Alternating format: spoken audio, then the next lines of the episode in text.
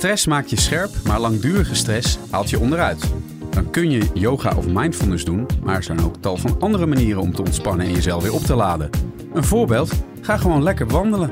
We praten erover met loopbaan- en wandelcoach Ingeborg Stijnvoort. Mijn naam is Jan Meijroos. En ik ben Maaike Bos. Leuk dat je luistert naar Work in Progress, de podcast van Intermediair over werk, carrière, work-life balance en persoonlijke groei. Nou, uh, welkom Ingeborg. Ja, een beetje flauwe grap uh, om mee te beginnen. Maar uh, hoe lang heb je hier naartoe gewandeld om bij ons in de studio te zijn? Oh, oh, daar komt hij. Helemaal niet vandaag. Nee, dat Ik heb de tram genomen. Dat snap ik ook. We zijn hier in, in Amsterdam en het is nou niet per se de meest natuurlijke omgeving om te wandelen. Hoewel een stadswandelingetje natuurlijk ook erg ontspannen kan zijn. Maar voordat we even op jouw expertise gaan zitten, even heel concreet. Het woord stress, het wordt een beetje te pas en te onpas gebruikt. Maar wat, wat is stress nou eigenlijk? Ja, stress is wel een woord wat heel veel gebruikt wordt. Als je druk hebt, zeg je al heel vaak: Oh, ik heb stress. Uh, maar je hebt goede stress en je hebt slechte stress. Stress uh, is een prikkel van buitenaf die door jouw zenuwstelsel wordt opgepakt. Het is echt een, gewoon een heel lichamelijk proces, kan je niet zoveel aan doen. Die prikkel komt terecht in je hersenen en die zet jouw zenuwstelsel aan. En die maakt uh, adrenaline, cortisol aan. En dat is hartstikke goed. Hè? Vroeger moest je vechten, vluchten of bevriezen als er gevaar was. Tegenwoordig is dat gewoon steeds minder. Maar dat, dat systeem dat werkt nog steeds. En als je dus stress hebt, dan gaat jouw lichaam bijvoorbeeld, je hartslag gaat omhoog, je gaat sneller ademhalen, en je wordt heel erg alert, je pupillen gaan worden groter. En dat is allemaal prima, daar ga je beter van presteren. Als dat heel lang aanstaat, dat systeem, dan maak je veel te veel cortisol aan. En op den duur krijg je chronische stress. En dat is dan weer slecht voor je lijf.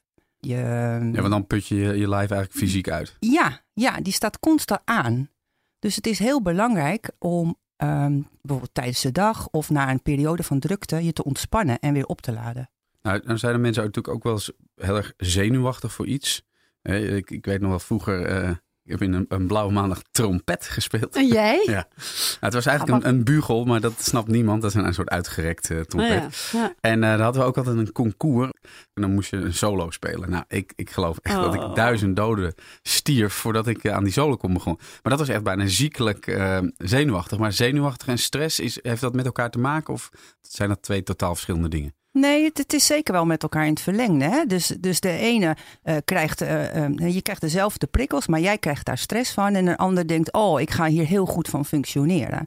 Ja, dus misschien een, een collega trompetist die denkt van, yes, een solo. Hè? Ik, ik sta eindelijk in het, in de spotlight. Het, spotlight. En ik ga daar gewoon een, de, de, ster van de hemel spelen. En jij, ja, je zegt, hè, je, je sterft bijna duizend doden.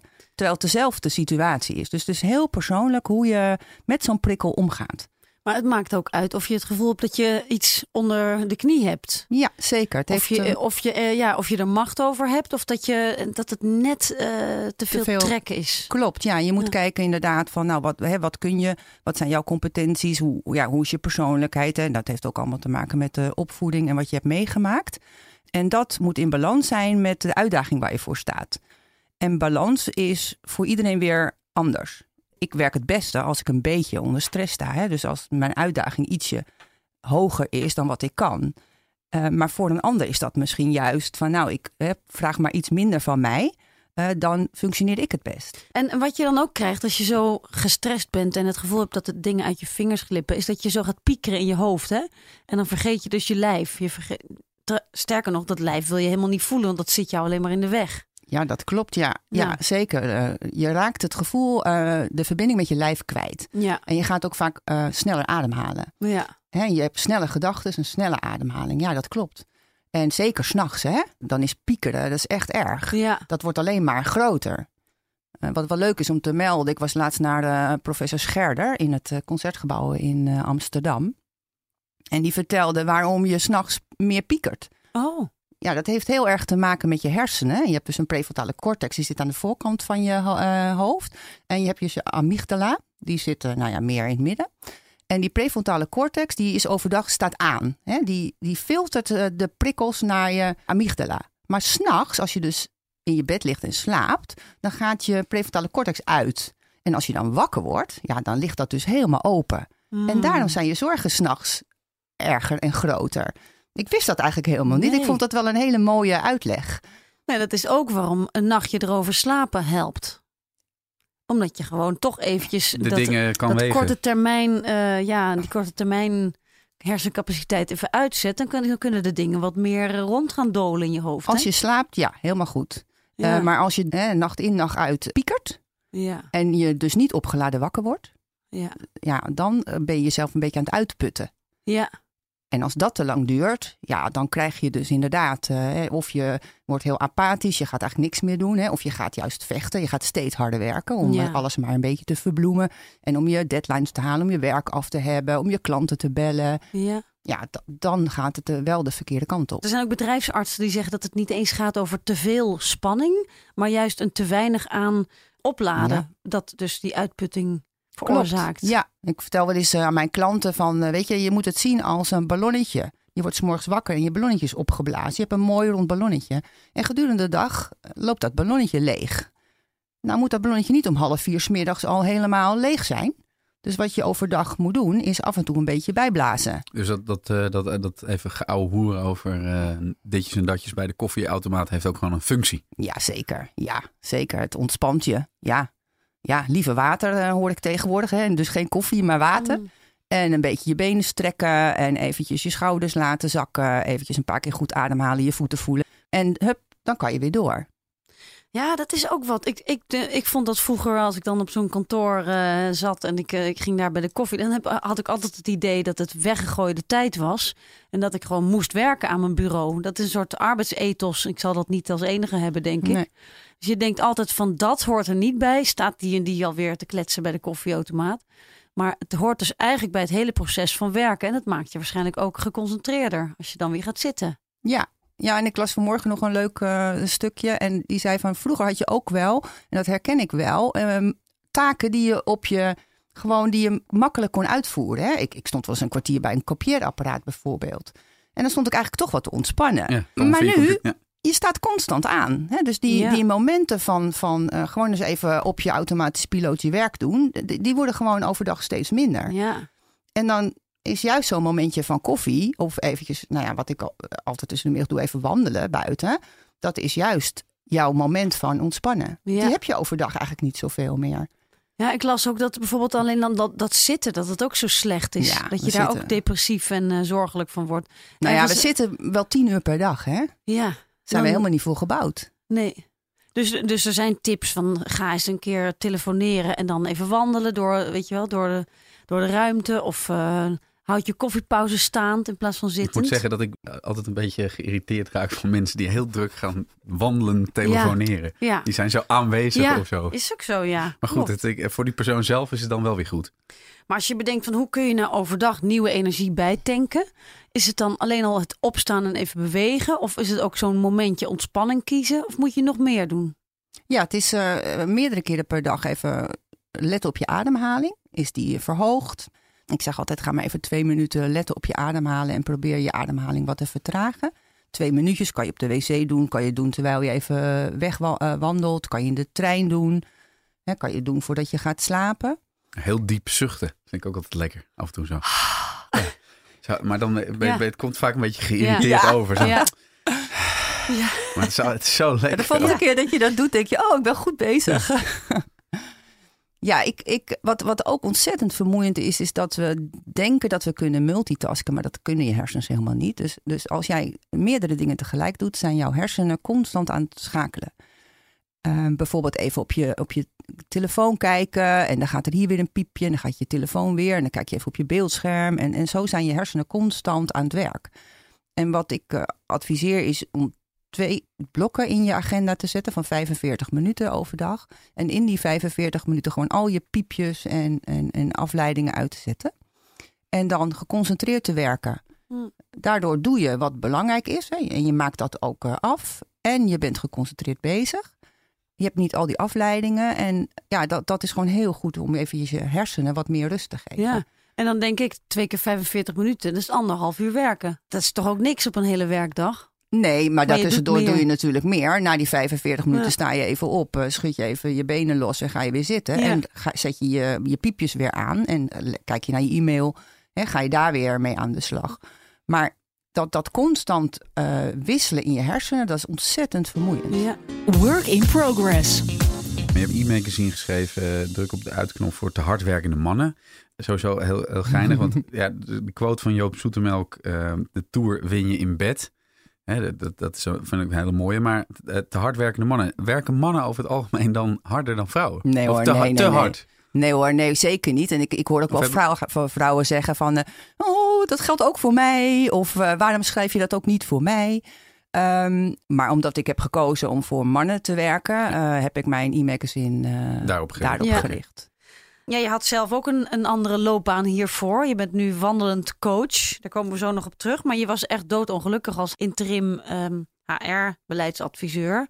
Eh, hoe ging bij jou het alarm af dat je op een verkeerd spoor zat? Ik had eigenlijk een hele leuke interim klus. Ik was eigenlijk heel erg tevreden over. En na een week of zes, zeven raakte ik mijn energie kwijt. Ik kwam echt moe thuis. Ik zat op de bank, ging s'avonds niet meer hardlopen, terwijl ik echt een hardloper ben. En dat ging zo eventjes door. Ik merkte dat ik s'morgens gewoon minder, eh, ja, wat later opstond, eh, een treintje later nam, een beetje mijn taken begon uit te stellen. En toen dacht ik, ja, weet je, dat, dat, dat ben ik niet. Ik ben heel energiek, ik neem altijd initiatief, ik ben altijd gemotiveerd. Maar daar ging ik eigenlijk steeds minder van doen.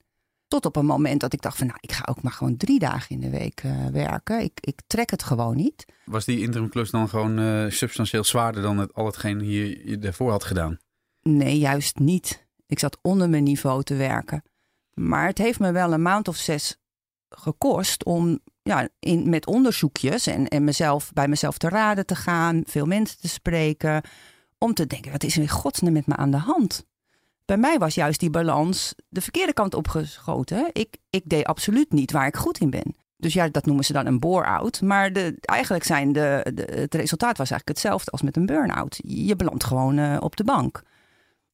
En toen dacht ik, ja, dat wil ik niet. En, en misschien als interimmer is het misschien ietsje makkelijker. Want ik dacht, nou ja, weet je, mijn klus is straks afgelopen en dan ga ik gewoon weg.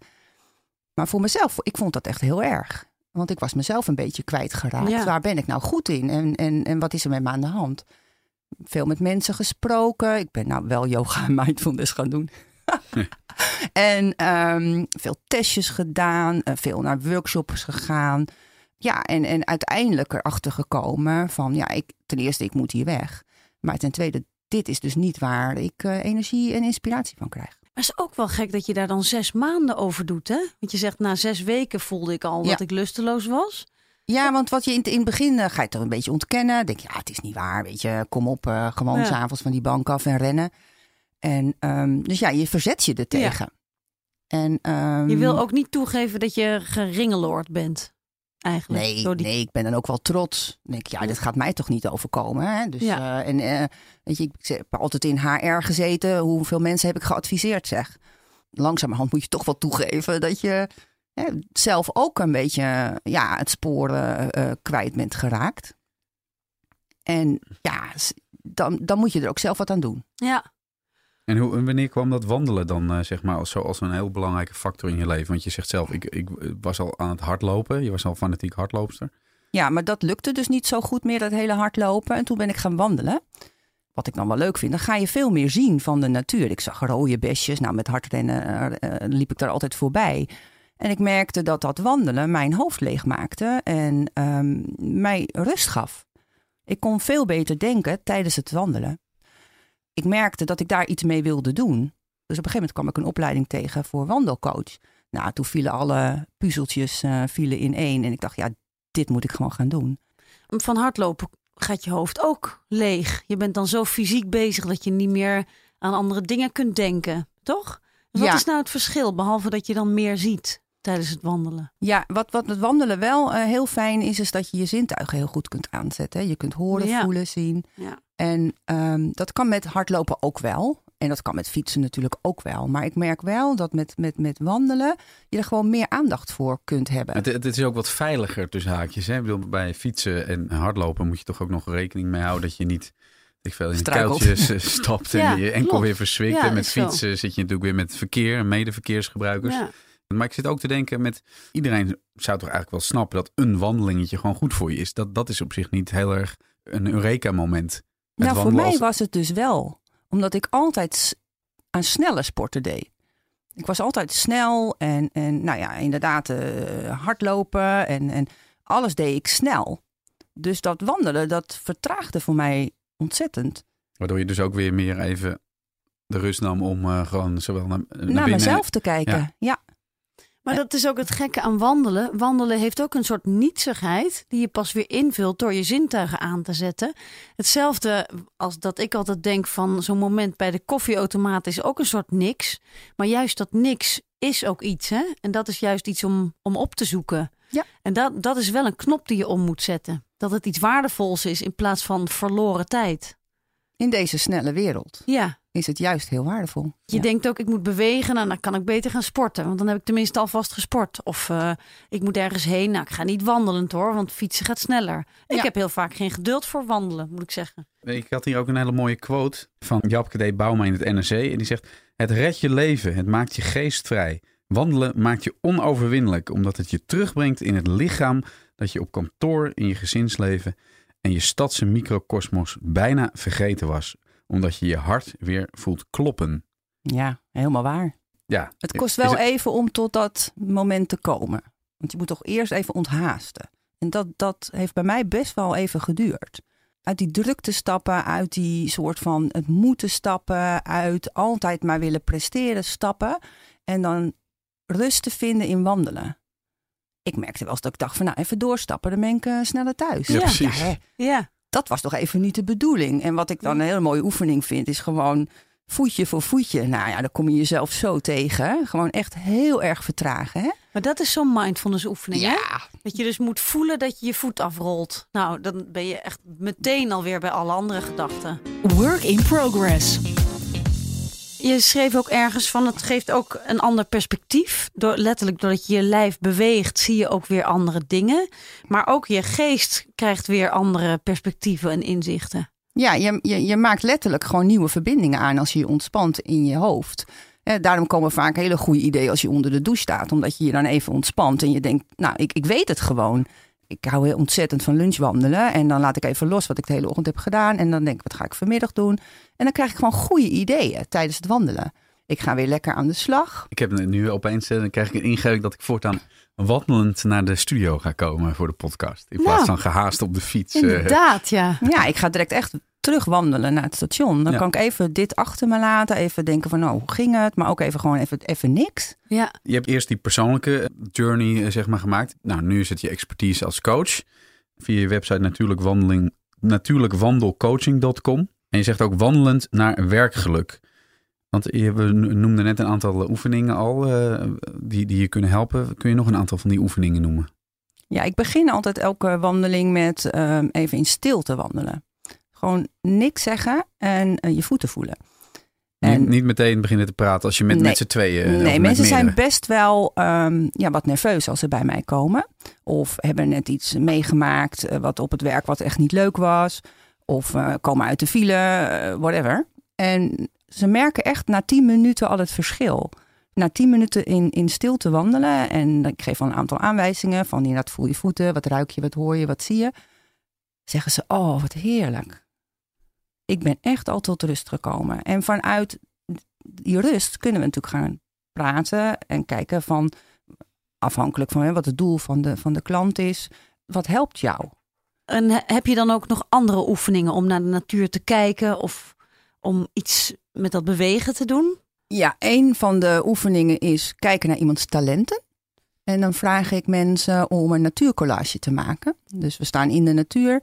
Ehm, wat zijn jouw eh, mooiste talenten? Zoek daar iets eh, eh, bij wat, wat je ziet in de natuur. Ehm, Maar het zijn dan letterlijk stokjes of bladeren of Bladeren, bloemen. eikeltjes, dennenappeltjes, boomschors of een hele dode boom. Hè. Er hangen mensen van alles in een dode boom. Dat je denkt, oeh, nou, Mm. daar gaan we eens een goed gesprek over Ja. hebben. Grimmig. Ja, hè? en dan vraag ik vaak ook wel, wat wil je behouden? Wat wil je snoeien? Kijk het, bekijk het eens van een afstandje.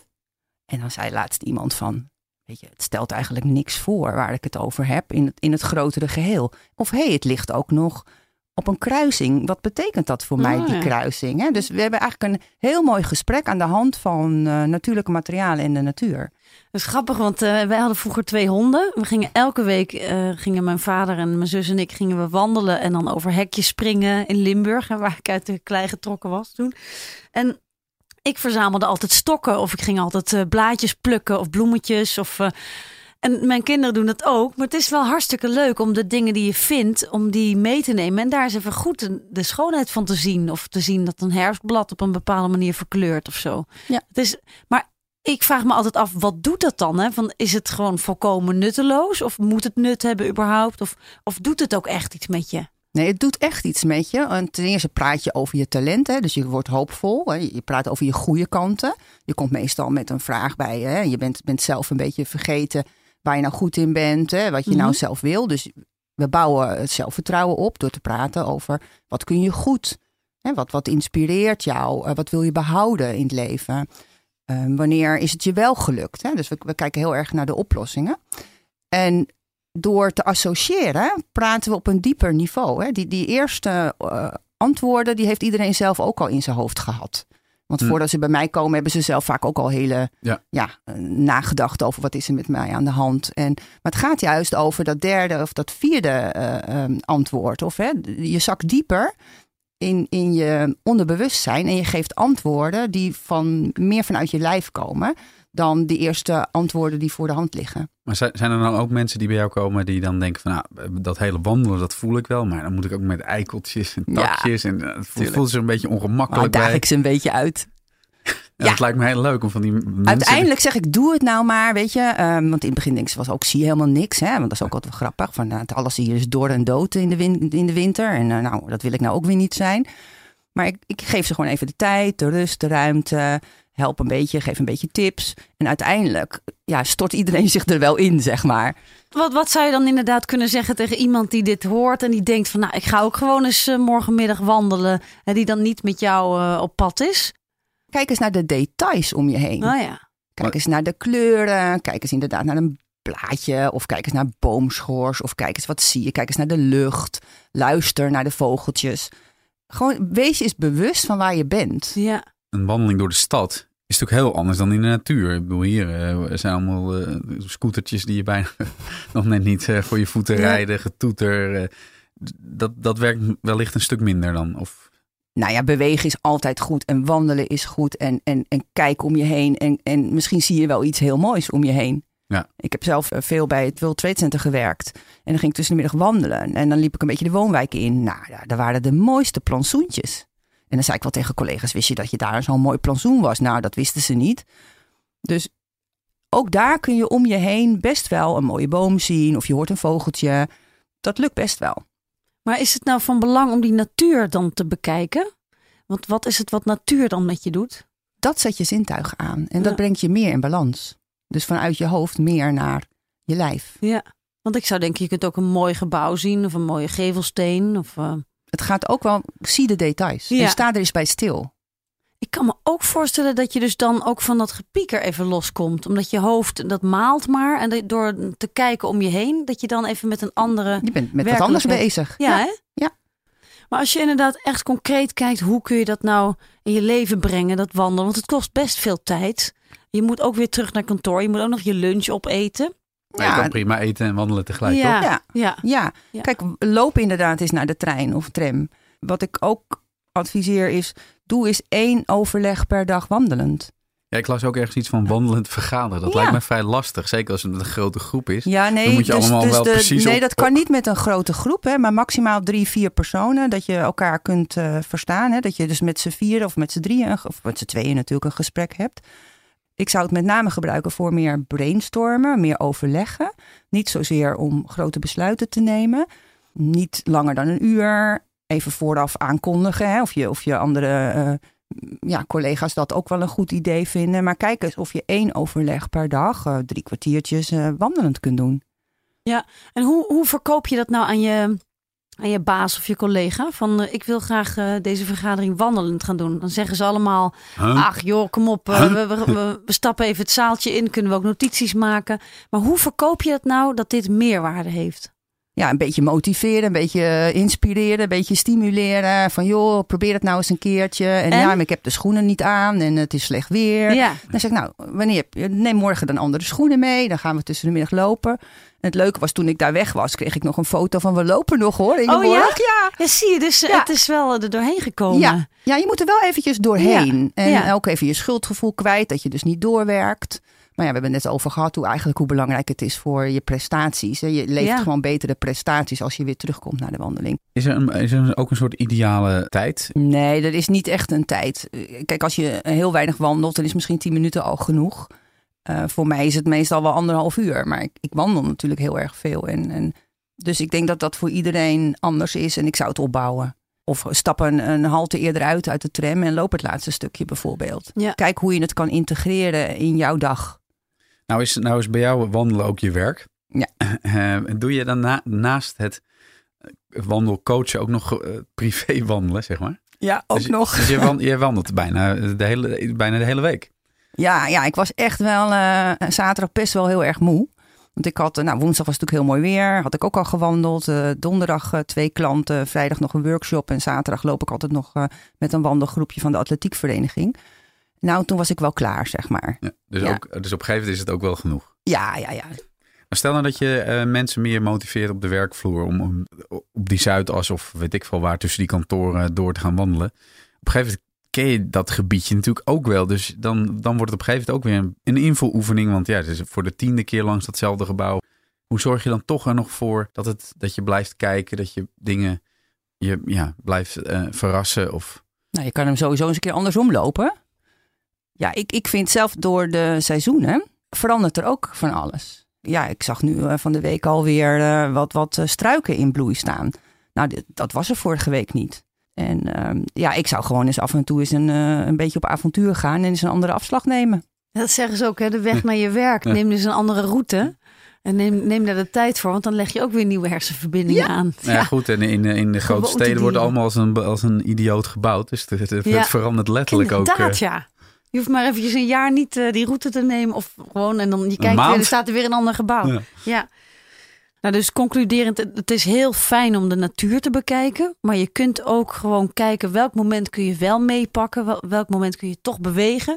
Al ga je op kantoor wandelen naar- naar die Trap nemen. Ja, de, die collega die een verdiepingje hoger zit. Of je, je moet een telefoontje plegen. Doe dat even op de gang wandelend. Dat helpt allemaal. Hè? Dus alles is beter dan niets eigenlijk. Zeker. En dan dat in de natuur wandelen. En dan geen prikkels hebben. Dat maakt je geest vrij. Dat is Ja. het verhaal hè? Zeker. Ja. Ja, mooi. Dankjewel Ingeborg Stijnvoort voor je, voor je kennis en eh, tips. Daar kunnen we vandaag nog eh, allemaal mee beginnen. En wij gaan direct wandelend de studio uit. Leuk dat je luisterde naar Work in Progress. En tot de volgende aflevering. Dag. Wil je meer weten over dit onderwerp? Check dan regelmatig intermediair.nl. Voor tips over werkplezier, carrière, work-life balance en persoonlijke groei. En abonneer je op onze nieuwsbrief.